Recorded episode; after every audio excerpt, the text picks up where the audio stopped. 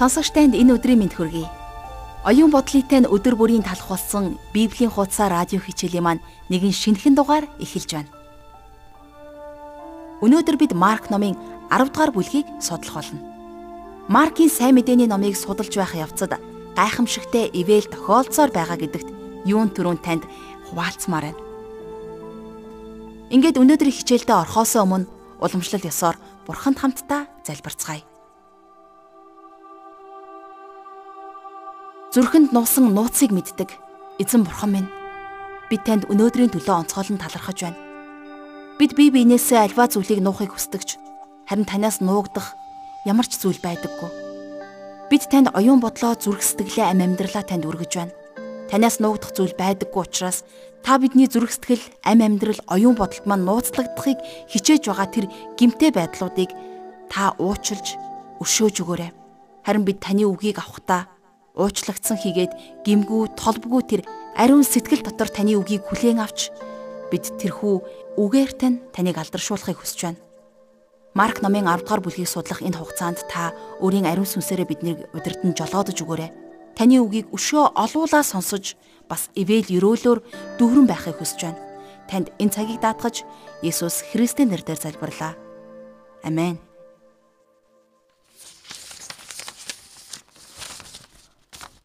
Маркийн сайн мэдээ номны 10 дугаар бүлгийн эхний ишлэлд Тэр тэндээс босож Йордны чандад Юудын эргүүд рүү очив гэсэн байдаг юм.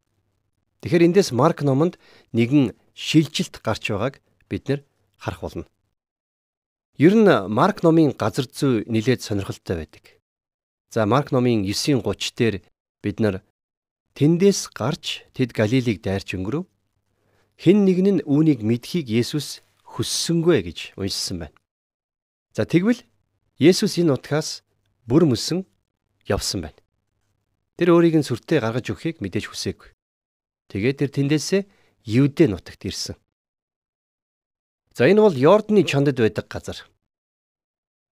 Тэр нь 10 хот байсан Дикаполис гих нутаг байсан. Тиймээс бид нар тэрнийг Йордны цаад талд ирсэн байгаагаар өнөөдөр уншиж байна. За дахиад л үе олон хүн Есүс рүү цуглахад тэр өөрийн заншилсан ёсороо тэднийг сургаж эхэлсэн. Энэ хэсэгт тэр Иерусалим руу сүүлийн удаа ирж байна. За дайснууд нь тэдгээр үзен ядсан өшөөтнүүд нь Есүсийн зам дээр байгаа. За тэгэхээр энэ бүлгийн эхэнд Есүс өөрийг нь даган цуглах үе олон хүмүүст гэрлэлтийн буюу гэр бүлийн талаар сургасан тухай одоо үзэх гэж байна. За ингээд хамтдаа Маркийн сайн мэдээ номны 10 дугаар бүлгийн 1-ээс 2 дугаар ишлэлийг гаргацгаая. Тэгээд тэр босож тэндээс Евдэ нутаг болон Йордны чандад очив. Дахиад лүү олон хүн түүн рүү цуглахад тэр өөрийн заншсан ёсороо тэднийг сургаж эхлэв. Хідэн фарисеучуд ирж Есүсийг сорж эр хүн эхнэрээсээ салах нь хуйлд таарах эсхийг асуужээ. За Есүс хоригдсоор л байна. Тэд нар хариулт хүссэн учраас энэ асуултыг асуугаагүй гэдгийг бид нар харин ойлгох хэрэгтэй. Харин тэд түүнийг ердөө урагтаж унгаахын тулд л энэ асуултыг тавьсан юм. Яагад гэвэл тэд нар гэрлэлт, салалтын талаар өөрсдийн гэсэн үзэл бодолтой хүмүүс байсан. Тиймээс тэд нар энэ урагтах асуултыг тавьсан хэрэг. За юу гэж байна гэхлээр эр хүн эхнэрээсээ салах нь хуулийн дагуу юу гэж асууж байна. За тийм ээ. Нэг талаасаа энэ бол үнэхээр ухаалаг асуулт. Энэ бол тухайн үед үнэхээр амин чухал асуудлуудын нэг болсон байсан. Учир нь Херод хаан өөрийн эхнэрийг орхиж за тэгээд өөрийнхөө төрсөн дүү Филиппийн эхнэртэй гэрэлсэн байсан юм.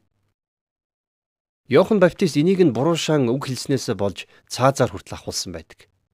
Тиймээс хэрвээ Есүс тэдний асуултанд үгүй гэж хариулах юм бол энэ нь Есүсийг Мосегийн эсрэг болгоо зогсохгүй. Харин түүнийг Херодтэй зөрчилдөд хүргэх байсан юм. Есүсийн үхэл энэ асуудал дээр чиглэгдэх ёсгүй байсан юм. Тухайн байдлыг харахад маш их сонирхолтой үйл явдал өрнөссөн байна. За нөгөө талаас хэрвээ Есүс фарисеучуудын асуултанд тийм ээ гэж хариулсан байсан бол тэд Есүсийг өөрийнхөө сургаалд тодорхой биш байна гэж буруутгахаар бэлдэж байсан.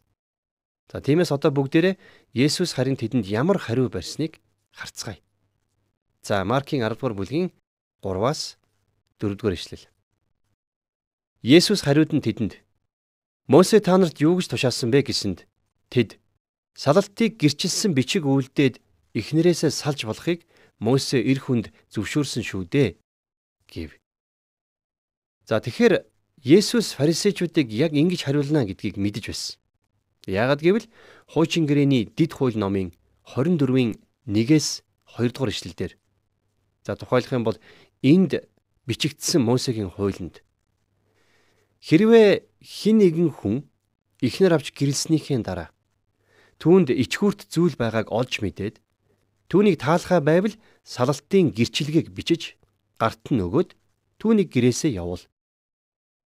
Тэр эмэгтэй түүний гэрээс яваад өөр хүний ихнэр болж гэж бичсэн байдаг.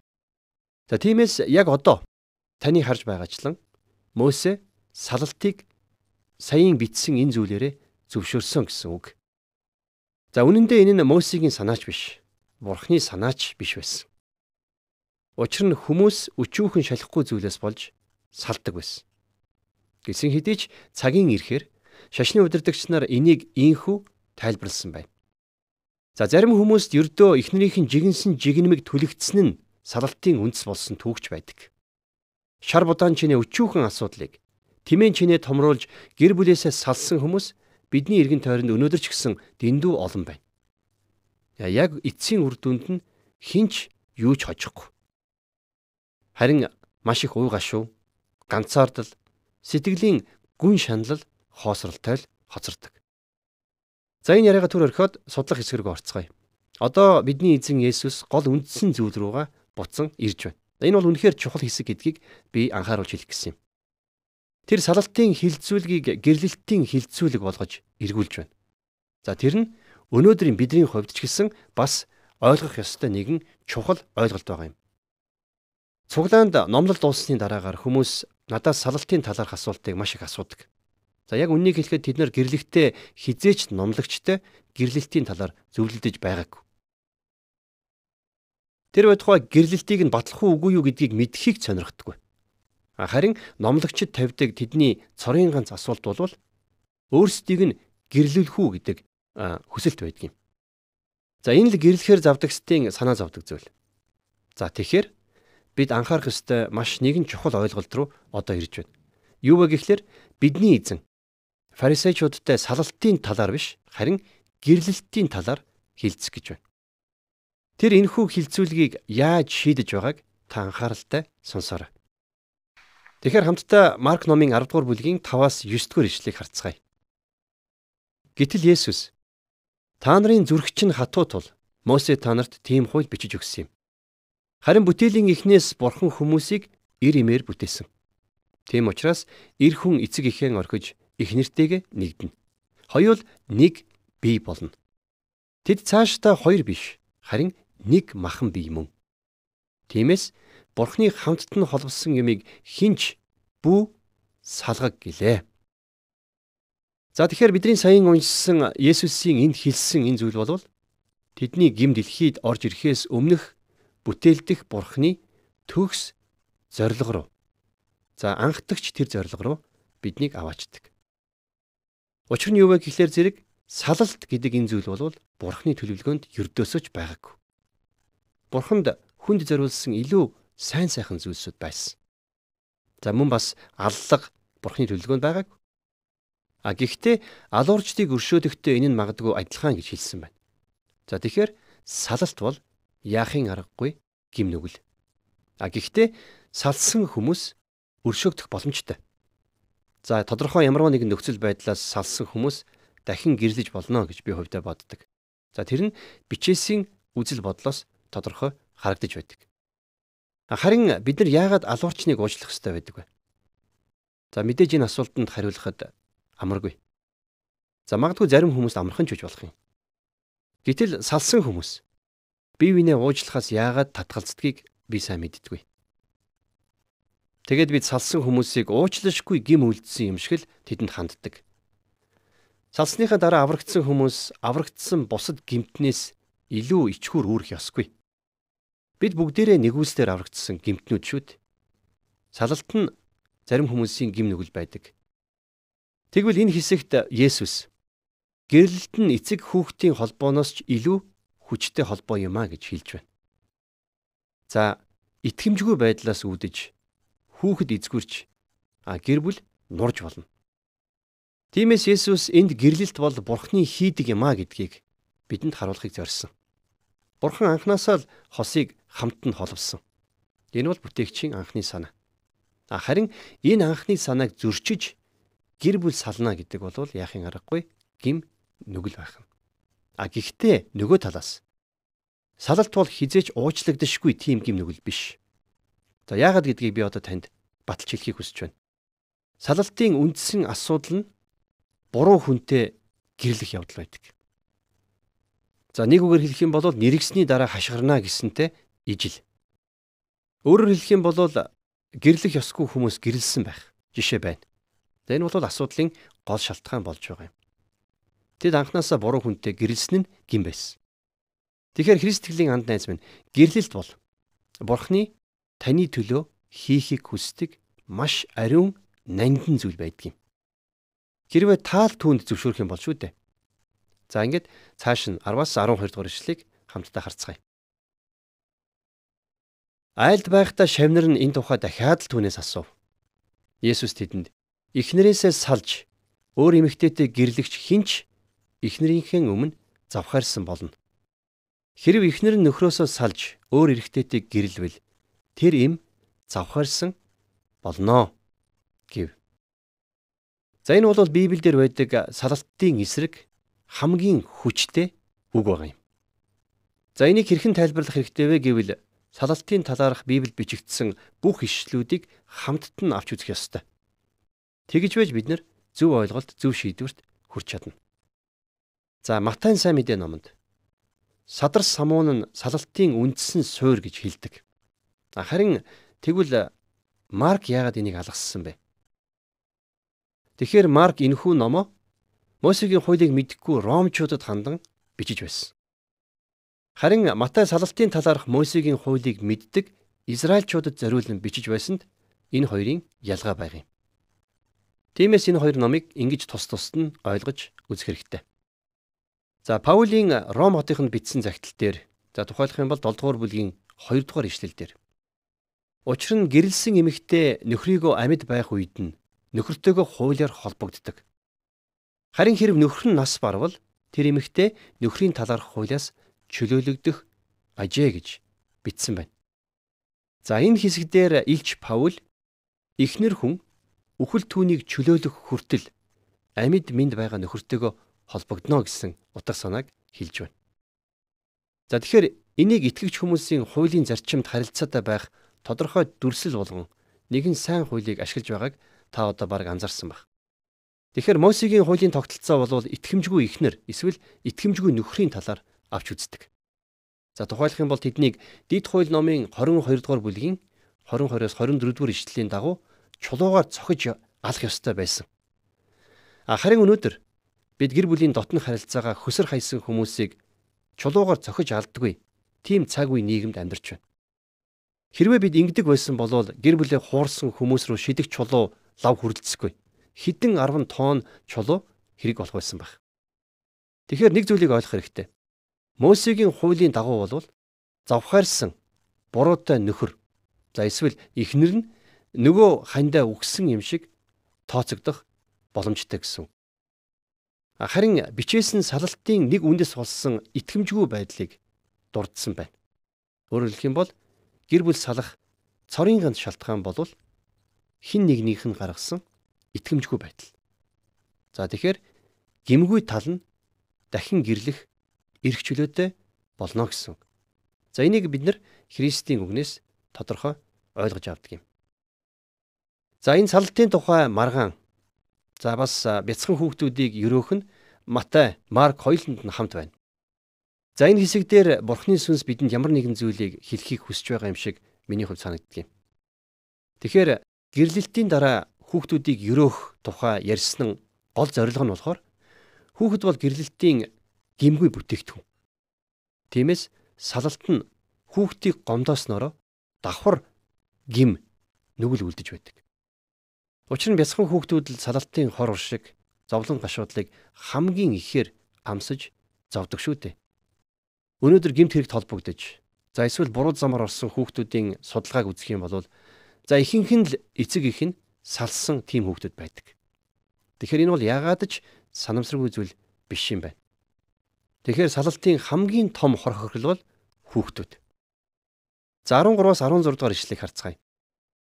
Хүмүүс Есүсээр хүүхдүүдтэй гар хөргүүлэхийн тулд түүн рүү хүүхдүүдээ авчирч байлаа. Харин шавнар тэднийг зэмлэв. Есүс үүнийг хараад уурлаж шавнартаа хүүхдүүдийг над руу ирэхийг зөвшөөр. Тэднийг бүү хор. Учир нь Бурхны хаанчлал тэдэн шиг хүмүүсийнх юм. Үннээр би та нарт хэлье. Бурхны хаанчлалыг хүүхэд адил хүлээж аваагүй хэн боловч тэнд орохгүй гэж альдлаа. Есүс хүүхдүүдийг тэрвэрч тэдэн дээр мутраа тавиад ерөөлөө гэсэн байна. За тэгэхээр хүүхдүүд Есүс рүү ирэхийн тулд насанд хүрсэн хүмүүс байх албагүй байсан. Хэрвээ насанд хүрэх шаардлагатай байсан бол магадгүй Христийн төлөөх нэг шийдвэр гаргах хэрэгтэй болно. Тэгэхээр өнөөдөр бид хүүхдүүдэд том болохыг тэлсэн ядан хүлээдэг. За том болсныхын дараа нэг ингэндээ за тэгэндээ гэж олон ажил төлөвлөгч шít. Тэгвэл бидний эзэн насанд хүрэгчдийг бяцхан хүүхэд шиг болохыг хүсэж байна. Эргээд бяцхан хүүхэд шиг болоо гэхээр тань ер нь яг юу бодогдож байгааг би сайн мэдэхгүй байна. Ер нь томчууд бид нар өсөж том болсон ч гэсэн үргэлжил өсөж хөгжих хэрэгцээ байдаг шүү дээ. Та бурхны хүүхэд болсны дараа миний яг юу хэлээд байгааг ойлгох болно. Энэ бол үнэхээр гайхамшигтай зүйл байгаа юм. Гэхдээ үнэндээ олон хүн өнөөдөр буруу замаар явж байна. Бид нар өнөөдөр өндөр мэдлэг, нарийн мэдрэмж, гэгээрсэн их ухаанаа хажуу тийш нь тавиад хүүхэд насныхаа энгийн байдал руу болон тэр үеийнхээ энгийнээр итгэх итгэл рүү буцах хэрэгтэй. Бидний эзэн бурхан хүүхдүүдийг гартаан өргөж тэдний дээр мотроо тавин ирүүлсэн. Тэр өөр хэнийг ч ингээггүй. Есүс бяцхан хүүхдүүдийг өөрийнхөө хайранд багтаасан. Яг гэвэл тэд түүний твэрт багтах зохистой хүмүүс юм. Зарим хүүхдүүд том болохоос өмнө ертөнцийн мөнх босыг үзүүлдэг. Харин тэр үед тэд нар Есүстэй хамт байхаар явдаг юм. За одоо бид нарыг үйл явдал хөтлсөөр нэгэн баян залуу захирагчтай уулзуулж байна. За энэ талаар Марк номынхон 10 дугаар бүлгийн 17-оос 18 дугаар ишлэгийг харцгаая. Түүнийг аян замдаа гарч явхад нь нэгэн хүн гүн ирж түүний өмнө сүгдэж. Сайн багшаа мөнх амийг өвлөн авахын тулд би юу хийх вэ гэж асуув. Есүс түнд чи яагаад намайг сайн гэж дуудана вэ? Бурханаас өөр хинч сайн биш. За тэгэхээр туйлын материаллык байдал газар авсан тухайн нийгэмд баян залуу захирагчийн энэ тохиолдол болон За эд баялагын талаарх бидний эзний сургаал мэдээж маш цагаа унсан сургаал байсан. Тэгэхээр Матай бичсэн сайн мэдээ номонд тэр захирагчийг залуу хүн байсан гэж хэлдэг. За энэ нь хуулийн дор байх хүний хувьд асуух энгийн нэгэн асуулт байсан. Учир нь яагаад үг гэхлээр тэр Мосегийн хуулийн тогтолцоон дор амьдарч байсан. Тэр мөн хамиг авахын тулд юу хийх ёстойгоо Есүсээс асууж байна. Харин Есүс тэр залууг нэлээд гүнзгий бодолд автуулдаг. Тэр яагаад Есүсийг сайн гэж дуудах ёстой байсан юм бол? Тэгэхээр та энэ тухай юу гэж бодож байна вэ? За биш бас таныг хідэн хорон бодуулахыг хүслээ л дээ. Тэгэхээр эрхэм найз минь энэ ертөнцид ердөө цорын ганц хүн л сайн. Тэр нь бурхан. Хэрв тэр Есүсийг сайн гэж дуудаж байгаа бол Есүс бурхан юм. За харин одоо хамтдаа Есүс 10 хуулийн 2 дахь хэсэгт байдаг тушаалуудыг түүнд хэлсэн тухай харцгаая. За 10 дугаар бүлгийнхээ 19-с 20 дугаар ишлэгийг анхаараарай. Хүн буул, бүү завхаар, бүү хулгайл, бүү худал гэрчил, бүү мэхэл. Эцэг ихээ хүндлэгсэн хуйлуудыг чи мэдэн шүү дээ гэсэнд тэр түнд Багшаа энэ бүгдийг би баг залуугасаа л сахисан гэв. Тэгэхээр 10 хуулийн эхний хэсэг бол яахын аргагүй хүний бурхантай харилцах харилцааг авч үзэж байна. За харин хоёр дахь хэсэг нь бол хүн хоорондын харилцааг хөнддөг. Тэгэхээр бидний эзэн хүний бурхантай харилцах харилцааны талаар энд яриаг. Харин түүний хүнтэй харилцах харилцааны талаар энд сануулж байна. Есүс дээрх ишлэлд хоёр дахь хэсгийн стандарт жишгийг хангаж чадсан юм. Харин баян залуу тэдгэрийг бүгдийг нь сахитгаа гэж хэлхийг бүгдээрээ хамт сайн уншлаа. За тэгэхээр энэ үйл явдал цаашаа хэрхэн өрнөхийг бүгдээрээ 21-ээс 22 дугаар ишлэлээс харцгаая. Есүс түүнийг ширтэн харж хайрлан чамд нэг л юм дутаж байна. Явж өөрийн бүх өмчөө зарж ядуст өг. Тэгвэл чи тэнгэрт баялагтай болно. Тэгээд ирж намайг даг гэж айлдав. Гэвч энэ үгнээс болж өнөөх хүний царайн барааж гонигтайгаар яваад өгөв. Учир нь тэр их хөрөнгөтэй хүн байжээ гэсэн байна. За сая миний уншсан ишлэл бол Маркийн сайн мэдээ номны 10 дугаар бүлгийн 21-ээс 22 дугаар ишлэл. Есүс энэ залууд нэгэн зүйл дутагдж байгааг хэлсэн. Тэр нь яг юу байсан бэ? Та юу гэж бодож байна? Мэдээж маш чухал зүйл. Энэ бол түүний бурхантай харилцах харилцаа. Тэгэхээр баян залуу ирд цаад болж байсан зүйл бол түүний эд баялаг нь байх нь. А гэхдээ тэрээр Есүсийг сайн гэж дуудсан. Хэрвээ тэр Есүсийг дагах юм бол түүнийг бурхан учраас сайн гэдэг шалтгааныг заавал олж мэдэх ёстой байлаа. Харин Есүс тэрнийг эд баялагаансаа салж өөрийгөө дагараа гэж хүссэн. А тэгвэл баян залуу яах вэ? Тэр бас хаана очих вэ? Энэ бол үнэхээр чухал асуулт. Тэр үед эзэн Есүс энэ хүний гмийн төлөө нас барах замдаа явж байсан. Тэр Есүсийг дагсан болов? Золилтын төлөө тэр загалмай руу ирэх байсан уу гэсэн асуултууд төрж байгаа биз? Харин тэр залуу Есүсийн хэлсэн үгийг сонсоод гуниглан түүнийг орхин холдсон. Учир нь тэр маш их хөрөнгөтэй хүн байсан гэж Библиэд бичсэн байна. За тэгэхээр одоо бүгдээрээ нэгэнд хөрөнгөний тухай ярьж эхэлсэн учраас эд баялагын талаар сургасан хэсэг рүү одоо очицгаая. Тэгэхээр Паулийн Тимотед бичсэн 1-р захидлын 6 дугаар бүлгийн 10 дугаар ишлэл дээр. За энэ бол маш гайхамшигтай сургаал байгаа юм. Та тэмдэглээд аваарай. За тэгэхээр 1-р Тимот номын 6 дугаар бүлгийн 10 дугаар ишлэл дээр Илч Паул ингэж хэлсэн байдаг. Учир нь мөнгөний хайр бол бүх төрлийн бозор мөгийн үндэс мөн. Зарим хүмүүс үүнийг хүсснээр итгэлээсээ төөрөн одож төмөн зовлонгоор өөрсдийгөө сүлвжээ гэж бичсэн байна. Тэр энэ хичээлд бидний эзний хэлсэн зүйлийг зүгээр давтаж байсан. Тэгэхээр мөнгө олон зүйлийг худалдаж авч болох боловч хамгийн үн цэнтэй мөнх хамийг худалдаж авч дийлэхгүй. Тэгэхээр энэ хичээл баян хүн өөрийнхөө эд баялагаараа тэнгэрт орж чадахгүй юмаа гэдгийг илчлэн харуулдаг. Зөвхөн баян хүн ч биш. Ямар ч хүн өөрийнхөө эд баялагаар тэнгэрт орох боломжгүй. За ингээд цааш нь Маркийн сайн мэдээний 10 дугаар бүлгийн 23-аас 25 дугаар ишлэгийг харцгаая. Есүс тойруулж хараад өөрийн шавнартаа Чинэлэг хүмүүсийн хувьд Бурхны хаанчлалд орох нь ямар хэцүү вэ гэв. Шавнар түүний үгэнд гайхсан боловч Есүс тэдэнд дахиж "Хөөхтүүдээ Бурхны хаанчлалд орох нь ямар хэцүү вэ. Баян хүн бурхны хаанчлалд орохоос тэмээ зүүнний сүвгчээр орох нь илүү хялбар ажээ гэсэнд. За энд төр зогсъё. Тэгэхээр та бодоод үз тэмээ. За тэгээд зүү. Тэгэхээр тийм том тэмээ зүүнний сүвгчээр орох бол боломжгүй. Хүний хувьд боломжгүй. Тийм ээ? Эсвэл бид тэмээ боломжгүй гэж хэлэх ёстой. Гэхдээ бурхны хувьд бүх зүйл боломжтой байдаг. За цааш нь үргэлжлүүлээд харцгаая 26-аас 27 дугаар ишлэл. Тэд бүр ч илүү гайхаж түүнд тэгвэл хэн аврагдаж чадах юм бэ гэцгээв.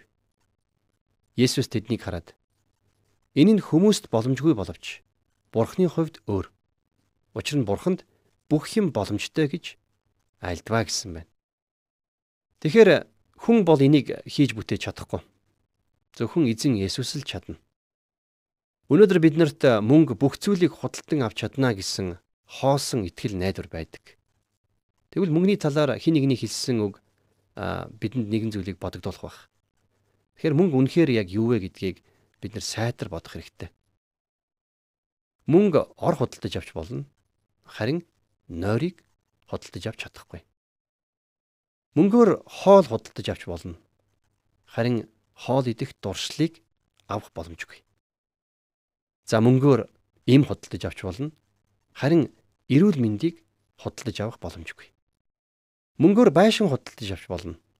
Харин гэр бүлийг худалдаж авах боломжгүй.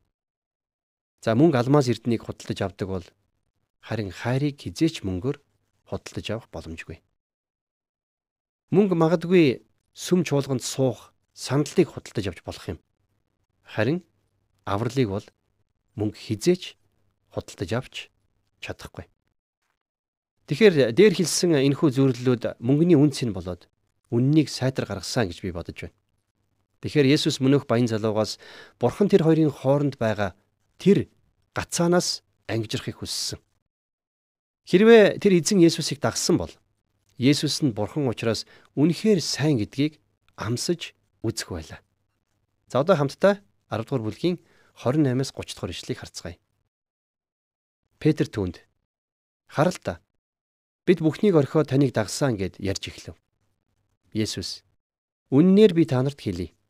Хэн миний төлөө болон сайн мэдээний төлөө гэр орноо ах トゥ ихч дүүгээ их эцгээ үр хүүхэд эдлэн газраа орхин тэр хүн одоо энэ үед гэр орноо ах トゥ ихч дүүгээ ихээ үр хүүхэд эдлэн газраа хавчлагтай хамт 100 дахин илүү авна.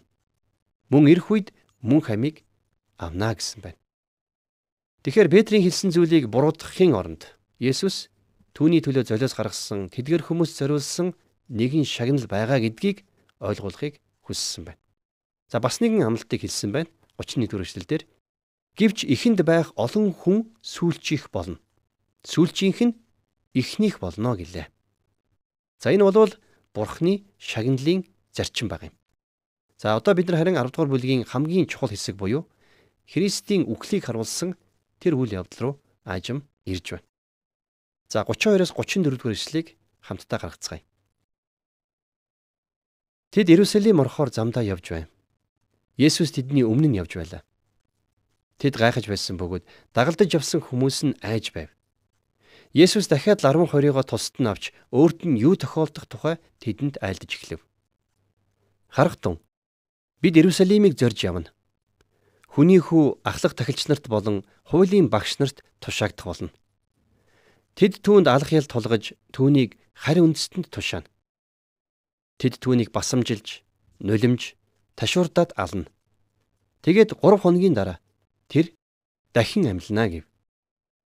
За тэгэхээр энэ хэсэгт Есүс Иерусалим руу хөдлөн явж байна. Учир нь тэр тэнд нас орно гэдгээ мэдэж байсан юм. Тэгээд энэ тухайга дагалдагч нартаа хэлж байна. Тэр өөрийн өхөлтэй хамт өөрийн дахин амьлалтын талаар дандаа хамтд нь дурддгийг дахиад анхаарцгаая. За харин энэ үед Яаков Йохан нарын хүсэл зорилго яг юу байсан бэ? За энэ тухай 35-аас 38 дугаар ишлэлээс харцгаая. Зебедийн хоёр хүү Яаков Йохан нар Есүст ойртон ирж түүнд "Багшаа, бид юу ч гуйсан түүнийг мань бидэнд хийж өгөхийг танаас хүсэж байна" гэв. Тэр "Та нарт юу хийж өгөхийг надаас хүсэж байгаа юм бэ?" гэхэд тэд түүнд Таны сүр жавхлан дотор бидний нэгийг өөрийн баруун гар талдаа нөгөөг маань өөрийнхөө зүүн талд суулгаач гэв. Харин Есүс та нар юу гуйж байгаагаа мэдэхгүй байна. Та нар миний уух аягнаас сууж миний хүртэж байгаа баптизмыг хүртэж чадах юм уу гэхэд. За энд төр зогсъё. Та санаж байна уу? Бид нар яг энэ тухай Матай номонд уншсан. Зебедийн эхнэр буюу Яаков Йоохны ээж нь Есүс рүү ирээд хөвгүүдийнхээ төлөө гуйдаг.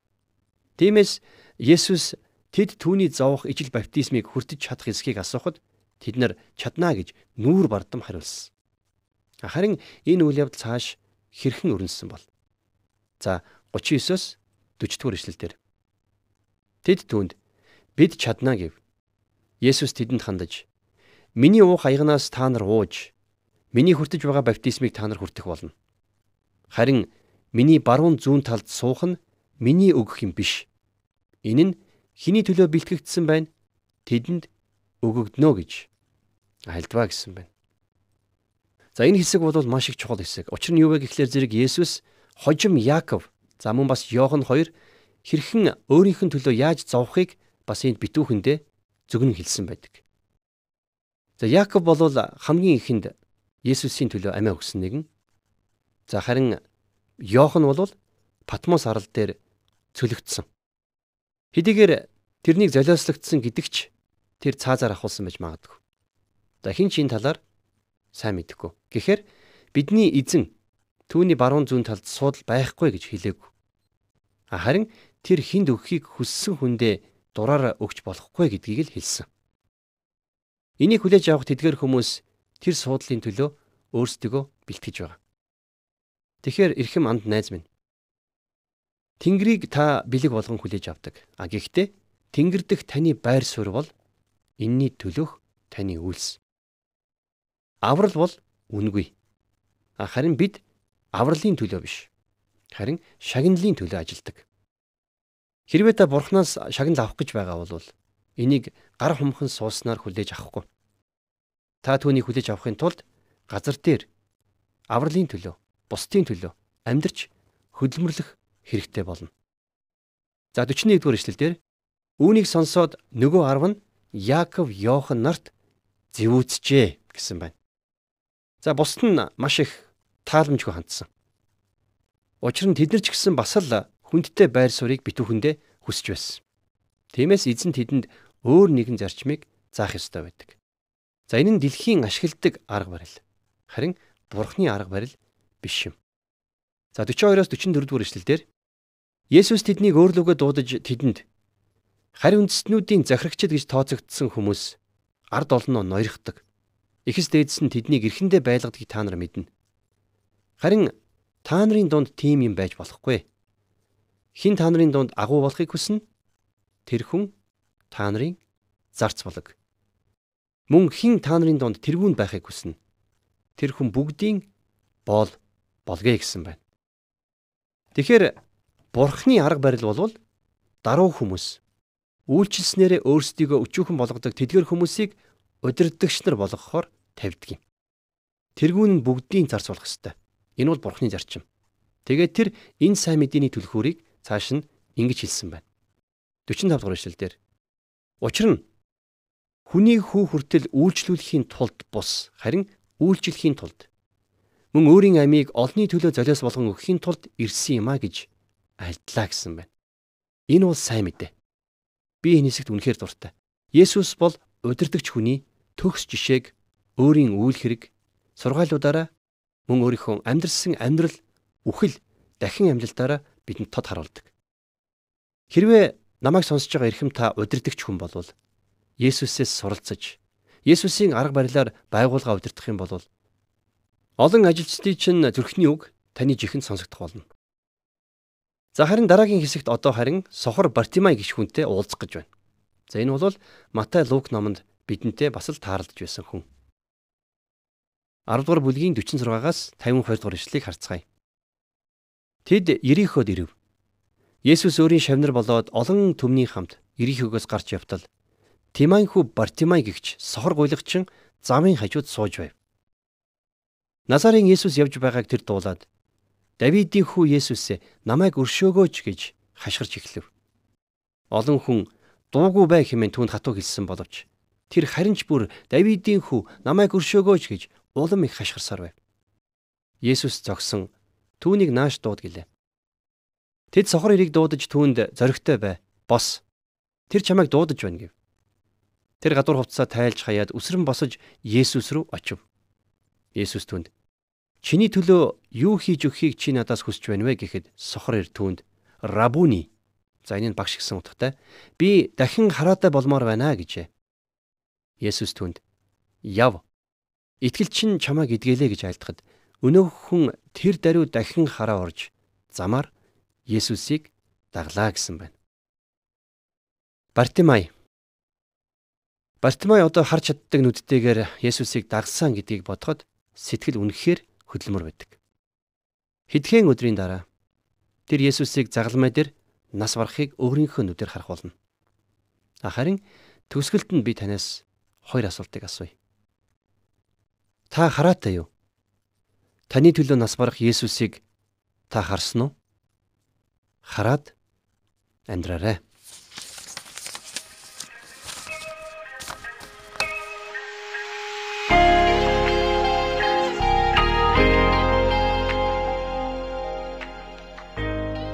Тэгэхээр өнөөдрийн бүлэг суралцах бас тунгаан бодох зүйлээр ямар их ариун баялаг бүлэг байваа. Энэ бүлэг бүхэлдээ амьдралд маань дэвшил хөгжлийг авчирсан үнтэй сургаалаар дүүрэн байлаа. Үүний төлөө бурханд үнэхээр алдарн байх болтугай. Өнөөдрийн бүлгээс хамгийн ойр зүйл нь гэр бүл салалтын тухай байсан юм. Өнөөдөр бидний амьдарч байгаа нийгэмд гэр бүлийн хосууд бие биенээ хуурч, садар самуу явдалд хит автах а эсвэл өчүүхэн төдий асуудлаас болж салд сарних нь бишгүй их тохиолддог. Үүний үр дүнд бяцхан хүүхдүүд хүн төгцөө амьдралыг туулж үр өвдгөн байдаг.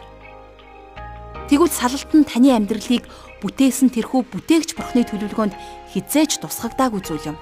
Түүнд бидэнд зориулсан хамгийн сайн төлөвлөгөө байдаг гэдгийг хамтдаа сонсож суралцлаа шүү дээ.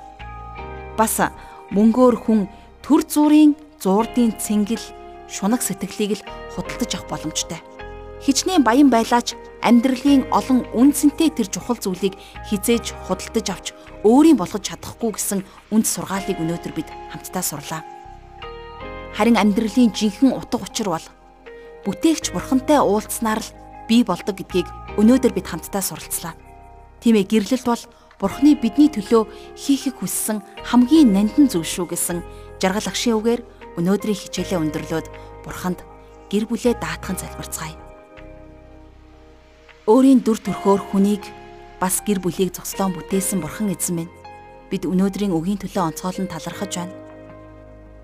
Бид таны бидэнд өгсөн тэрхүү нандин гэр бүлийг хайрлаж тэдэндээ цаг гаргахгүй байснаар харилцаа маань эвдэрч байгааг харахтаа үнэхээр таны өмнө гимшиж байна. Танаас бидэнд өгөгдсөн энхүү бэлгийг хайрлж хамгаалж усалж торнож илүү их ургуулж энэ гэр бүлэрээ дамжуулж гэр бүлийнхээ харилцаа эрүүл эерэг харилцаагаар дамжуулж бусад хүмүүст үлгэр дуурайл болоход минь та бидэнд мэрэгэн ухаанаар дүүргэж өгөөрэй. Бидэнд баяр баясгалан өгдөг хүүхдүүдийнхаа ам амьдралыг ирээдүйг бид тань даатгаж байна. Та тэдний нулимсыг арчиж та үр хүүхдэд маань хангалуун ирээдүйг, элэг бүтэн амьдралыг, элбэг, баян, инрэл хайр эрүүл тунх амьдралыг дүүргэж өгөөрэй. Би танд гэр бүлээ даатгаж Есүс Христийн нэрээр залбирлаа. Амен.